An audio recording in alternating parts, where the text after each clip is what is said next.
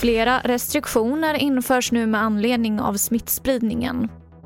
100 nya dödsfall i covid-19 och regeringen vill se över Estonia-lag.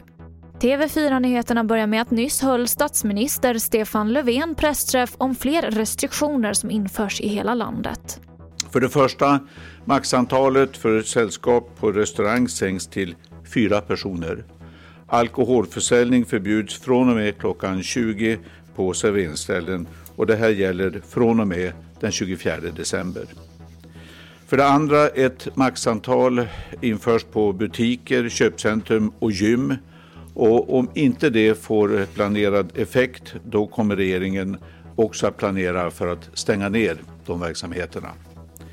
För det tredje, Folkhälsomyndigheten kommer också att rekommendera munskydd för att det ska användas i kollektivtrafik under vissa tidpunkter. För det fjärde, gymnasieskolor ska bedriva fjärr eller distansundervisning till och med den 24 januari 2021. Och för det femte, all verksamhet som bedrivs av staten, regioner och kommuner som inte är nödvändiga bör stängas ner eh, fram till omedelbart och fram till och med den 24 januari 2021. Och det gäller då bland annat badhus, idrottshallar, museer och så vidare.